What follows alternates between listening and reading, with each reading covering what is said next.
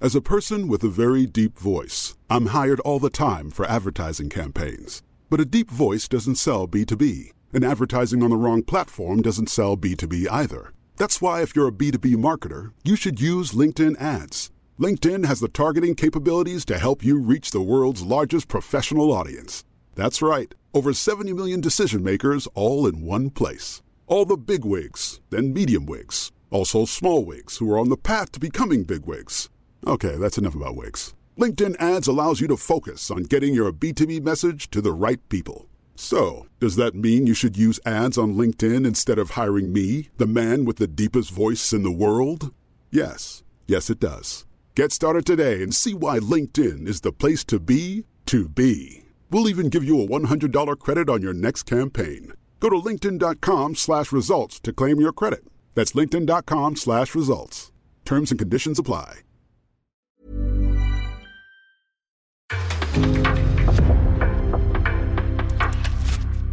En podcast från Aftonbladet. Varje dag som vår tvättmaskin inte går sönder känner jag en stor tacksamhet. Varför är det så? Kanske för att tvn bara höll i nio år, att mobilen börjar strula efter fyra år och att vårt kylskåp, som bara är tre år, har konverterat till frys och att vår gurka är en popsicle. Jag minns diskmaskinen i mitt barndomshem som höll i 20 år. Vad hände med sån teknik? Återigen, tack för varje dag, älskade tvättmaskin. Jag heter Malin Molin. Jag är journalist och författare, bor i Kalmar och har fem barn. I den här poddserien Malin blir en bättre människa så bjuder jag in gäster som ska berätta för mig och för er hur vi förhåller oss till klimathotet och blir bättre människor. I det här avsnittet ska jag prata med föreläsaren och tekniknörden Elin Häggberg om varför prylar inte håller och hur man är en grön teknikanvändare. Hej Elin! Hej! Hej! Du, fram tills ganska nyligen så har jag tänkt att om jag bara sitter hemma och tittar på Netflix så är jag en miljökämpe om jag inte går ut och jag åker ingenstans, jag köper ingenting. Men nu pratas det mer och mer om vilken klimatpåverkan streaming har. Vad tänker du om det? Ja, men jag tror att väldigt mycket av det som är liksom i molnet, det som, är, som vi inte riktigt ser och kan ta på, det har vi haft en tendens att tänka att det är liksom ingenting. Att det, det är som molnen, det bara flyter där uppe. Men allting som är i molnet, till exempel innehåll som du streamar då till exempel, det, det är ju egentligen bara förvarat på någon annans dator på någon annans server. Och eh, de här servrarna de ska ju drivas av elektricitet och eh, det blir ju, ju mer vi streamar, ju fler vi är som streamar och ju bättre kvalitet och högre upplösning, desto mer måste ju de här serverhallarna jobba såklart. Så att eh, det är ju inte så att eh, allting vi gör på internet och så bara liksom är luft och inte finns någonstans, utan de här serverhallarna drar ju enormt mycket elektricitet såklart.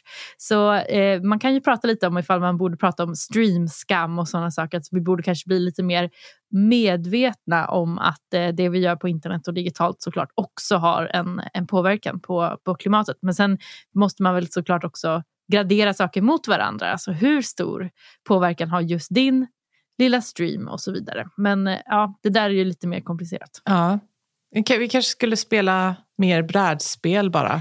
Ja, alltså det är såklart så att om man tänker utifrån det perspektivet så om du flyttade ut i en koja i skogen och eh, typ inte slutade andas och bara la dig ner i, i lingonriset så mm. skulle du kanske ha minst påverkan på miljön. Men samtidigt så är det ju inte så vi, vi lever våra liv utan vi måste ju tänka konstruktivt. Hur kan vi leva så bra som möjligt men samtidigt så bra som möjligt för miljön? Så försöker jag tänka i alla fall.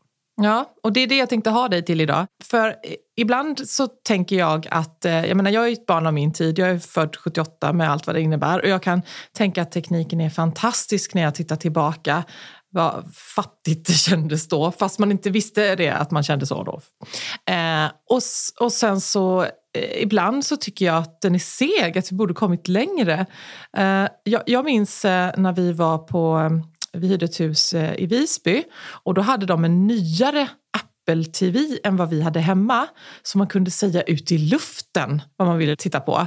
Jag tänkte ja, det är fantastiskt, tänk när vi har det. Och sen gick vår till slut då såklart, Apple-mojäng sönder och vi fick köpa en ny. Och nu tycker jag redan att, men gud den har fel och ibland och vad trög den är. Alltså, det här med att, att vi liksom vänjer oss så fort och blir bortskämda skulle man kunna säga. Alltså blir vi aldrig nöjda och är det bra eller dåligt tycker du?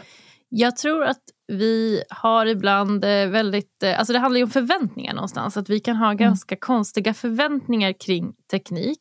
Och Det bygger ju mycket oftast på att vi inte förstår tekniken bakom så att säga. Utan när vi till exempel pratar med vår teknik. Jag har såna här smarta högtalare från Google till exempel som vi använder hemma för att styra lite allt möjligt. Och den fattar ju inte heller allting man säger. Eh, och då tänker man så åh, den är så dålig. Men så kanske man glömmer bort hur otroligt komplicerat det är att ha tek alltså, tekniken ska förstå vad jag pratar om. För språk är ju komplext, det är liksom kulturellt, det är olika språk. Svenska dessutom är ju ett pluttelitet språk sett till världen i stort. Eh, och att utveckla då teknik som bara det att, att en högtalare ska kunna förstå vad du säger. Mm. Alltså den ska kunna tolka ljudvågor till text och att texten sen ska processas av en server för att kunna ge ett svar eller utföra en handling. Det är egentligen jätteavancerat och komplicerat men vi tänker ju hur det är att prata med en människa. Och så tänker vi att ja, men varför, kan inte, varför kan inte den här högtalaren förstå mig lika bra som en människa? Och det där är ju liksom användarproblem, eller vad man ska säga. Att vi har förväntningar på vad teknik ska kunna göra och hur teknik ska funka. Och när det inte stämmer så tycker vi att den är, är dålig. Men det kanske är för att vi inte alltid hänger med i hur det funkar bakom kulisserna så att säga. Så att, eh, jag tror att vi har ibland orealistiska förväntningar på teknik och jag tror att vi ibland missar kanske vad som egentligen är den stora utvecklingen och ser liksom småsakerna. Alltså de stora förändringarna är svårare att att liksom se under, un, medan vi lever i utvecklingen. Och den verkliga liksom, slutgrejen kanske blir något helt annat än det vi hade tänkt oss. Om man tänker så här, flygande bilar, det är sånt här vi alltid har sett i science fiction att vi ska ha flygande bilar. Men egentligen så är det jätte, så här, det är inte lönsamt eller hållbart eller överhuvudtaget liksom realistiskt att göra just en bil som flyger. Men sen så har vi haft den här utvecklingen av drönare som började som små, små saker mycket kring det här att filma med drönare har varit en stor grej och liksom, eh, det har varit mer av en liksom, konsumentprodukt eh, nu på senare tid. Och sen så har man börjat göra då stora drönare och så helt plötsligt har man en stor drönare som du kan sätta en person i och som är eldriven. Och sen helt plötsligt så är ju den där flygande, den där stora drönaren, den är ju i princip en flygande bil. Men det är ju inte, den kommer inte från det hållet, den kommer inte från bilindustrin, den kommer inte så som vi hade tänkt oss. Och så där tror jag det ofta är med teknikutvecklingen, att den utvecklas och så helt plötsligt dyker upp någonting som, som man, från ett håll man inte hade tänkt sig. Liksom. Tror du att tekniken kan rädda klimatet? Att vi kan ingenjöra oss ur det här? Mm, delvis skulle man kunna säga ja och nej. För att det finns ju jättemånga jättehäftiga tekniklösningar på klimatproblem. Och jag menar, ingenjörer generellt jobbar ju mycket med just att lösa olika problem. Och de stora problemen vi har just nu handlar ju om klimatet och hur vi ska lösa den. Liksom. Så att, eh, jag tycker jag ser nya häftiga innovationer hela tiden som kan vara en del av lösningen. Men vi kan ju inte fortsätta som vi gör nu liksom, i världen och bara vänta in liksom, att ingenjörerna på något magiskt sätt ska bara rädda oss från alla problemen. Utan jag tror att tekniken kan bidra med många lösningar och framförallt kan den ju göra då att vi får en, en framtid som faktiskt är nice och inte bara liksom, eh, katastrofer och eh, sluta med det här, sluta med det här, sluta med det här. Utan snarare kanske börja med det här istället. Alltså den typen av framtid. Eh, men vi måste ju liksom vara med och driva på genom att förändra våra beteenden. Vi måste eh, liksom lägga press på politiker och företag. Att det, det är de här lösningarna som vi är intresserade av. För om vi fortsätter att bara konsumera och resa och leva på alla olika sätt så som vi redan gör nu och tror att någon annan ska lösa problemet åt oss så är ju risken väldigt stor att alla tänker så och ingen eh, jobbar på att lösa problemet. Så jag tror att vi behöver lite av både och på något sätt. Apropå problemlösning då så, eh, så slog det mig jag vet inte när jag kommer att tänka på det här, men alla, alla parabol, parabolantenner som ingen orkar plocka ner, men det känns som att ingen använder dem, men de sitter ändå kvar. Skulle man kunna göra om dem till solceller? Ja, om du tänker dig en solcell så är ju den ändå ganska stor. Och en mm. parabol, även en stor parabol är ju inte jättestor. Så även om du skulle vara så här jättehändig och hålla på och plocka ner, du måste ju ändå plocka ner den då. Först plocka ner den, göra om den till en solcell, sätta upp den igen, installera alltihop, hej och hå, så kommer det liksom vara så pass lite el du kommer få ut av den där. Du kanske kan tända en lampa eller någonting. Så att, eh, jag vet inte riktigt om det skulle vara värt insatsen om man säger så.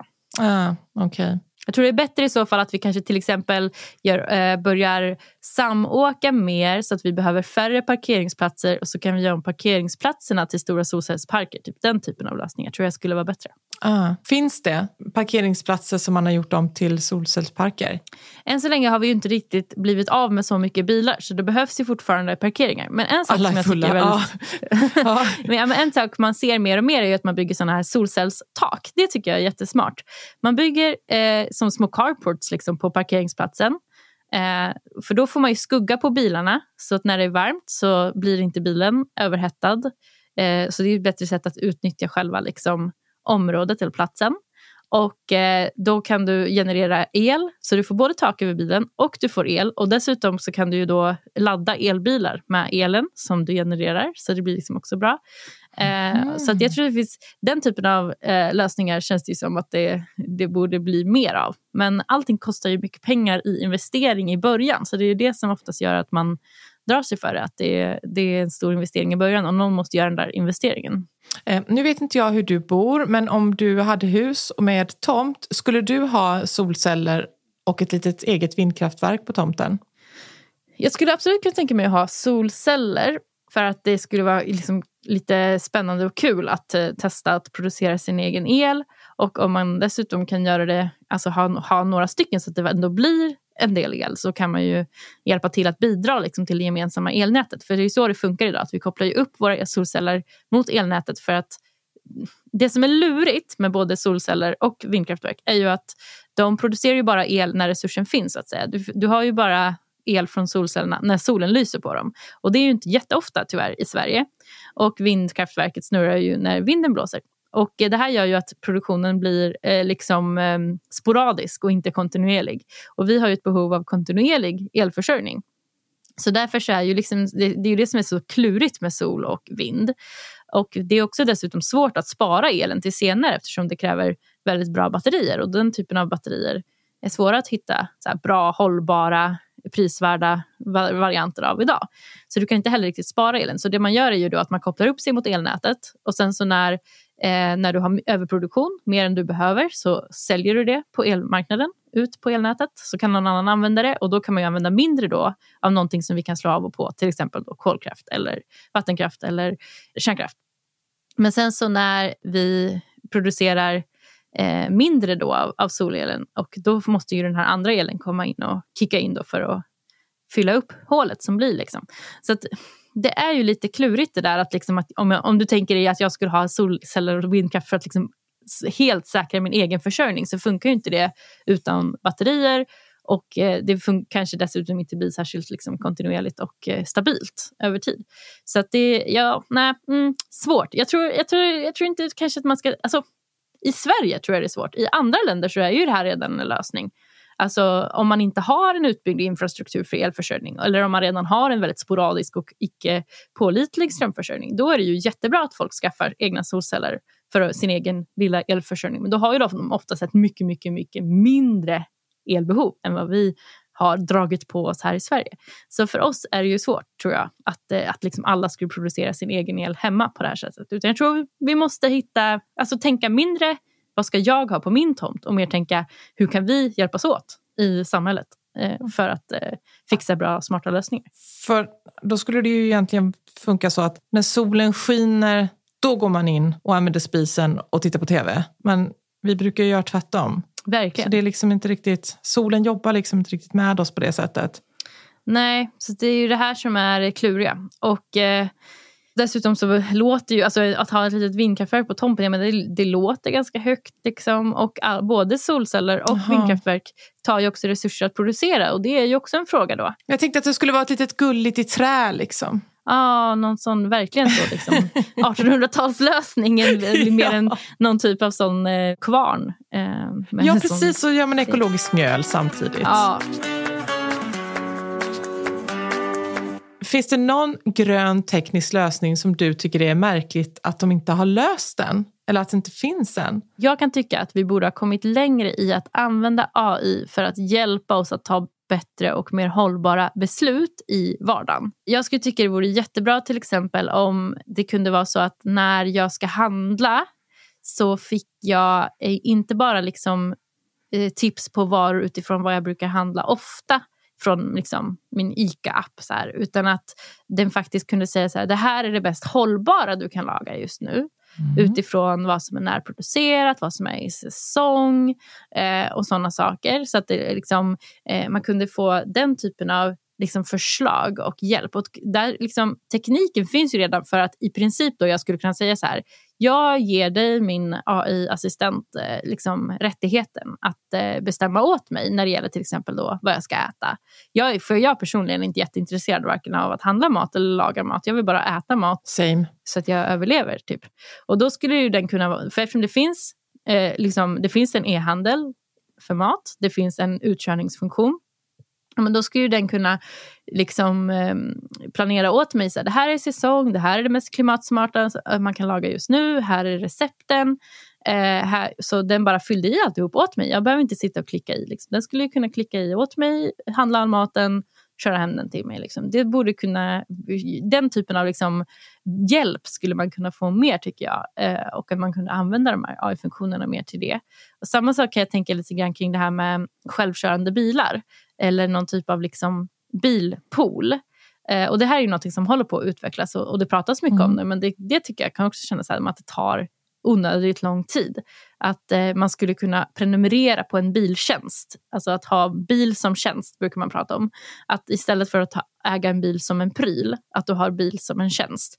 Ah. Typ som att du ah. prenumererar på Spotify fast du prenumererar på bil. Och att, eh, de, att man då har ett, ett nätverk av självkörande bilar som, som helt enkelt kan komma och hämta upp dig när du behöver det och eh, att jag kan då till exempel ha så här på schemat, ja, men jag vill bli upphämtad klockan åtta på morgonen för att åka till jobbet säger vi. Och eh, då ska ju det här systemet liksom samköra det då med andra som har samma system. Så att den bara, ja men Elin ska bli hämtad klockan åtta och hon bor här. På den rutten så är de här personerna som också ska bli upphämtade ungefär den tiden. Och så kan vi liksom samåka fast helt liksom opersonligt. Vi behöver inte känna varandra, vi behöver inte ha koll på varandra. Och eh, det som är så smart med självkörande bilar är ju att de behöver ju liksom inte eh, stå still. De behöver inte stå parkerade. Utan de kan ju åka runt och göra små saker hela tiden. Så när de inte eh, liksom skjutsar folk eller hämtar folk så skulle de ju kunna eh, liksom skjutsa paket till exempel, göra leveranser. De här matleveranserna som jag behöver då genom mitt smarta matsystem som fixar. För då skulle det också bli... Alltså, bilar idag står ju mestadels still. Och de flesta bilar som åker runt har bara en person i sig fast det får plats fyra. Och det är ju super ohållbart, det är ineffektivt, det är jättedumt. Så om vi kunde ha de här systemen med bilar som vi delade på så skulle det ju vara både mer hållbart och mer effektivt. Och vi skulle frigöra plats i trafiken så det skulle bli mindre trafik på vägarna. Så det finns mer plats för till exempel bussar, kollektivtrafiken skulle kunna bli bättre. Och vi skulle kunna göra om då parkeringar och parkeringshus till typ eh, såna här coola eh, hydroponic-odlingar till exempel för alla våra lokala grönsaker. Vad är det som du sa nu? måste jag avbryta. Hy ja, hydroponic det är sån här vatten, man odlar i vatten. Så istället för att eh, använda jord så har du liksom växterna direkt i vatten. Och Det finns sådana system som man kan liksom automatisera. Så du kan odla inomhus, alltså du har en helt kontrollerad odling eh, inomhus eh, med vattensystem och lampor och så här. Och då kan du liksom i en källare odla grönsaker på ett väldigt smart och effektivt sätt. Som får näring utan jord? Ja, det är, det är jättehäftigt. Med, med, det kan, du, kan man kolla upp ifall man är, tycker sånt är spännande. Eh, men det, det är en sån där odlings... Eh, ja, en odlingsmetod som man brukar prata mycket om just när det gäller så här, framtidens matförsörjning. Och eh, det vore ju jättebra liksom, om man kunde odla mer grönsaker nära oss konsumenter. För nu odlas ju väldigt mycket typ i Nederländerna. De är jättebra på sån här effektiv och smart odling. Men det är ju fortfarande en lång transport. Eh, så det vore jättesmart om vi kunde odla mer eh, nära oss själva. Så att eh, om vi hade färre bilar som behövde stå still så skulle vi ha mer utrymmen som vi skulle kunna göra om då, till exempel till att odla grönsaker eller solcellsparker eller sådana saker. Så Gud, att, eh, vad bra. Självkörande bilar och bil som tjänst. Det tycker jag vi borde ha kommit längre med. Det skulle vara jättebra. Är det sant att teknik byggs med en bestämd levnadslängd? Ja, det kan man ju säga att det är. Och det är, finns liksom olika nivåer av det här kan man väl säga. För att för det första så finns det ju liksom eh, det här, och det kanske är det som du tänker på främst, så här, att man har hört dels om så här, skrivare som slutar att funka efter att de gjort si och så många utskrifter, att de liksom har en, en liten räknare inne i sig som tickar fram liksom till, och sen slutar de funka. Eh, det har även varit snack om att eh, mobiltelefoner blir jätte- jättemycket sämre när det görs mjukvaruuppdateringar och sådana saker. Eh, och allt det här är ju liksom eh, sant till viss del. Sen är det ju så att de företagen själva säger ju såklart att nej, nej, det stämmer inte. Eh, vi, det är inte så att vi har byggt de här för att de ska liksom gå sönder efter en viss tid, utan det är ditt och datt och andra anledningar och vad det nu kan vara. Men eh, det finns ju som sagt lite olika aspekter då av det här. Det första är ju vinstintresse. Alltså företag som tillverkar produkter vill tjäna pengar.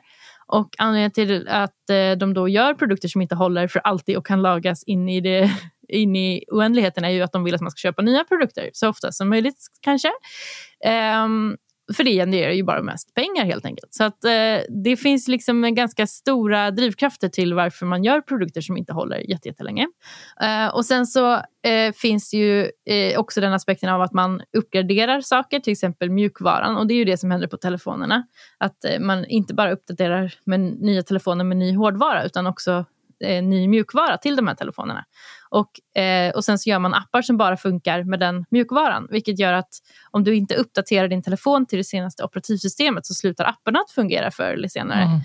Och eh, Det gör att du känner dig kanske lite tvungen att uppdatera. Men då är ju mjukvaran skapad för en telefon med bättre hårdvara än vad din telefon har. Och helt plötsligt så blir din telefon lite segare, lite mindre utrymme kvar och så vidare. och så vidare. Eh, bilder, bilderna blir större, eh, liksom, skärmarna blir större, drar mer batteri. Allting liksom utvecklas hela tiden som gör att de äldre eh, teknikprylarna hänger helt enkelt inte med. Så det gör ju också att de, man kan uppleva då att de har en kortare levnadslängd. Sen är det ju så att batterier, även uppladdningsbara batterier, slits ut över tid. Det är bara så tekniken är. Liksom.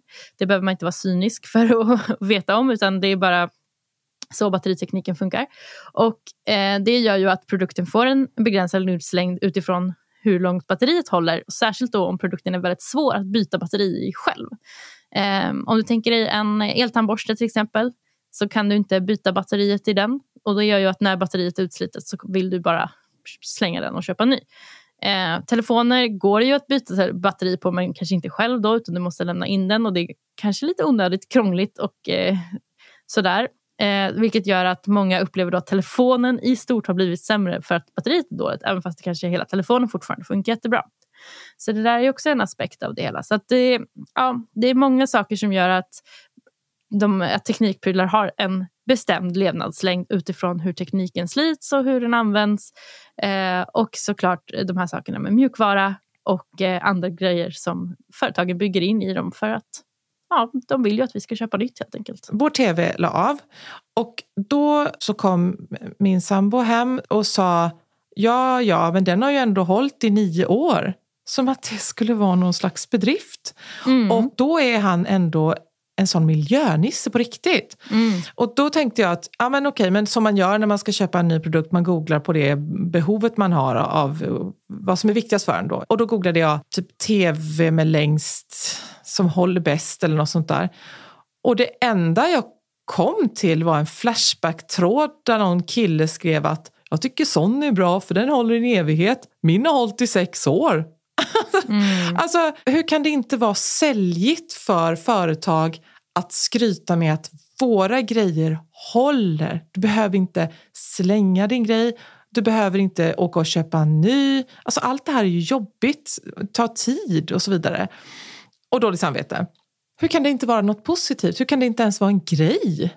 Ja, men så här är det ju att teknikbranschen har väldigt länge seglat väldigt mycket under radarn skulle jag säga när det gäller hållbarhet. Vi har blivit mm. ganska bra på att tänka och ställa krav inom hållbarhet på mat till exempel, på kläder, eh, på bilar. Eh, men när det kommer till liksom konsumentelektronik, om vi tänker då datorer, mobiler, tv-apparater och sådana saker.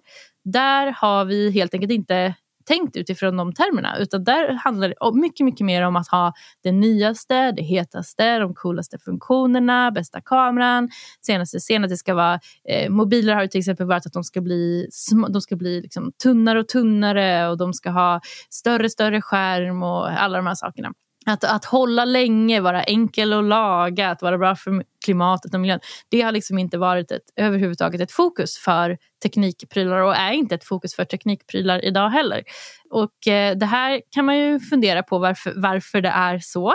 Jag skulle säga att en stor del i det faktiskt äh, handlar om liksom kön, faktiskt. alltså om män och kvinnor. Mm. Att teknik är en otroligt mansdominerad bransch och det är väldigt mycket eh, riktat mot män om man tänker i marknadsföring och hur produkterna är utformade och sådana saker. Och eh, där finns det nog eh, både liksom sanning men också stereotyper kring att män inte bryr sig om eh, miljön så mycket. men bryr sig inte om klimatet lika mycket. Det är mer av en, eh, kanske då om man tänker då mode och mat som kanske är lite mer eh, områden där, eh, som är mer kvinnofokuserade. Eller vad man ska säga.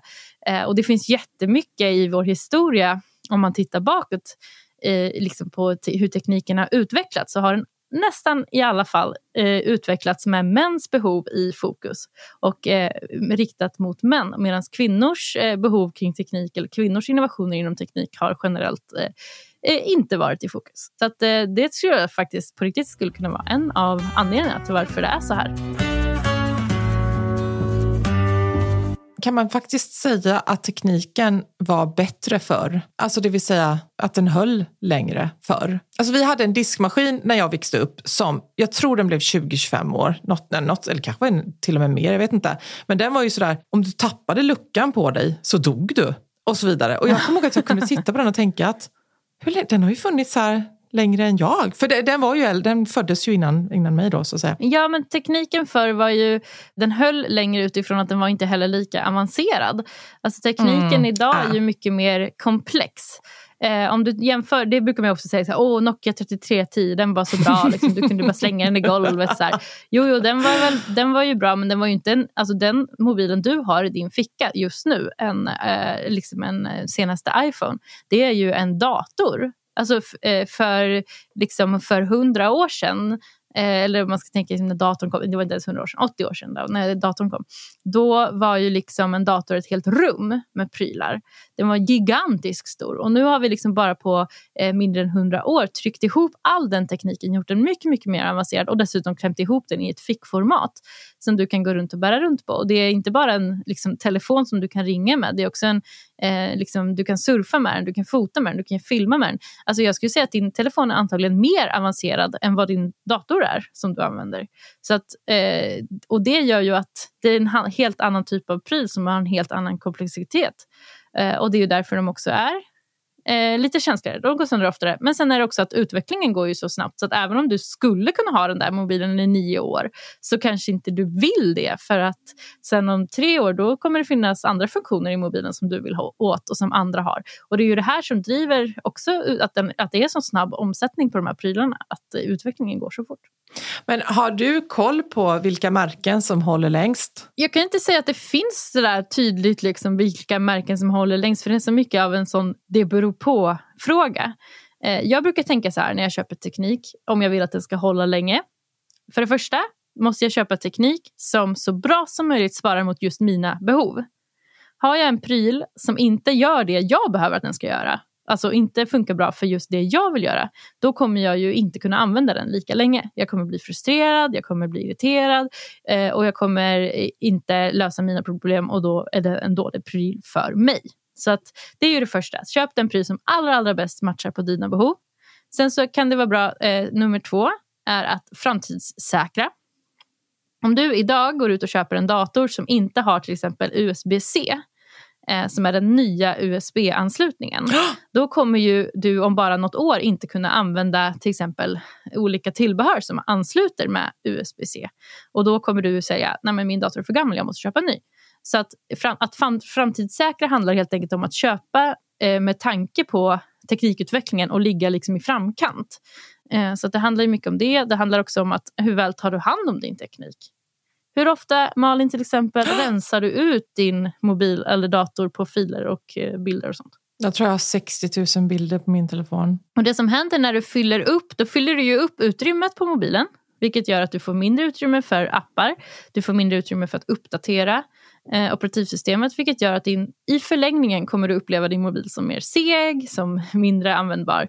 Och du kommer bli mm. mer motiverad att vilja köpa en ny mobil med mer utrymme för att kunna få plats med dina 60 000 bilder.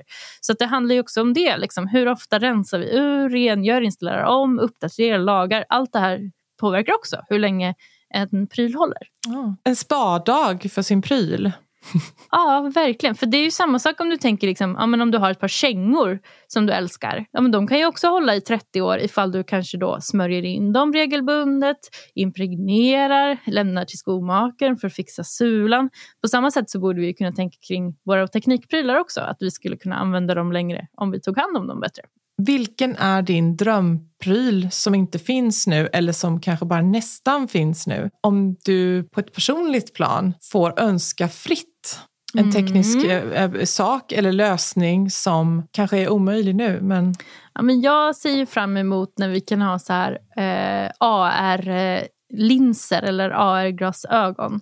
Eh, som kan göra att vi kan liksom ha... Vad är AR? Förlåt.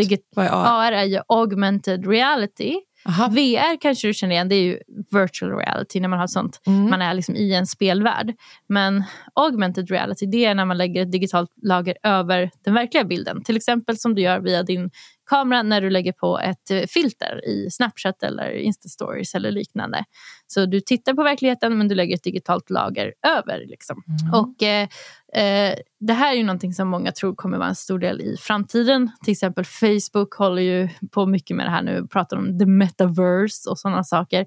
Och där ser ju de framför sig då att till exempel eh, AR och AR-glasögon kommer vara liksom en del i det. Eh, och anledningen till varför jag ser fram emot det här är för att jag kan tycka att det känns lite omodernt på ett sätt att vi ska gå runt med så skärmar framför ögonen och att vi ska behöva klicka på så appar och sånt. Jag vill ju mer bara gå runt i verkligheten och så ska tekniken bara vara där liksom, när jag behöver den. Jag vill inte att den ska vara så att jag ska behöva göra så mycket aktivt. Liksom. Och det som är häftigt med AR-tekniken är ju att eh, om man tänker sig att man har då ett par glasögon som kan visa, som har som en genomskinlig skärm som kan visa vad som, eh, information runt omkring mig i verkligheten medan jag tittar omkring. Eh, så, och som är uppkopplad mot internet då, då skulle jag ju till exempel om jag har en ny pryl som jag ska installera så skulle ju mina glasögon eh, kunna känna igen prylen, vad det är för någonting. Det kan du redan göra via mobilen, till exempel med Google-appen så kan du filma eller fota någonting så kan den säga vad det är för någonting. Eh, då skulle den då kunna se så här, aha, det här är en sån här pryl. Och så skulle den hämta då en instruktion eh, en, eh, som jag kan se då eh, när jag tittar på prylen så kan den visa mig med en liten pil. Tryck här för att starta. Mm. Gör så här. Det kanske kommer upp en liten avatar som, som du vet den här Clippy som fanns för i Word, det här lilla ja. gamet. Ett sånt kommer upp fast som en liten liksom, figur eller person som dyker upp framför mig i, virtuellt då, och som säger ja, men här, gör så här och tryck här och gör det här. Eh, och som kan visa utifrån hur min verklighet ser ut istället för att man ska liksom titta på en video i mobilen eller läsa en instruktionsbok. Um, och jag skulle kunna få eh, ja, men anvisningar. Jag har väldigt dåligt lokalsinne så det skulle vara jätteskönt då, om den bara visade med små pilar. Liksom, sväng här, gå in där. Där är den här adressen. Den skulle kunna visa om man till exempel letar efter lunchställe så skulle den kunna visa restaurangen när man går förbi. Kanske den visar så här, stjärnor utanför vad den har för rating på olika sidor och sådana saker. Så att det här liksom bara skulle vara en liten, som ett, inte så att man inte behöver koppla bort sig själv från omgivningen genom att titta på en skärm utan att eh, istället tekniken bara interagerar med omgivningen på ett kul sätt. Det skulle jag tycka vore jätteroligt. Det ser jag fram emot. Jag tror att det kommer komma inom 5-10 år. Någonting sånt här. Jag hoppas det. Eller mm. så kommer det något helt annat som jag absolut inte kunde förutse just nu. Men eh, det, vore, det vore kul och jag tror att det vore skönt att eh, bli av med lite skärmar i vår vardag. Ja, och då vill jag bara fråga, vad tar du med dig från vårt samtal idag? Eh, att jag inte alls låter så teknikpositiv i de här frågorna som man, jag skulle önska. Eh, men eh, jag tror att eh, alltså tekniken kan ju göra allt vi vill. Det handlar ju bara om vad vi vill helt enkelt. Så att jag tror att vi behöver få in, vi behöver verkligen få in fler personer, kanske fler personer som du som är med och utvecklar teknik som faktiskt har andra perspektiv än att göra maximal vinst eh, eller eh, utveckla det som olika teknikkillar kommer tycka är fränt på ett häftigt event och istället eh, vad som faktiskt kan vara bra för framtiden. Eh, så att eh, ja, jag tror att vi behöver få in fler personer som är med och tänker och bidrar med nya perspektiv i teknikutvecklingen för att det ska bli den här positiva teknikframtiden som vi faktiskt kan få. Tack så mycket Elin Häggberg för att du ville prata med mig. Tack! Hej!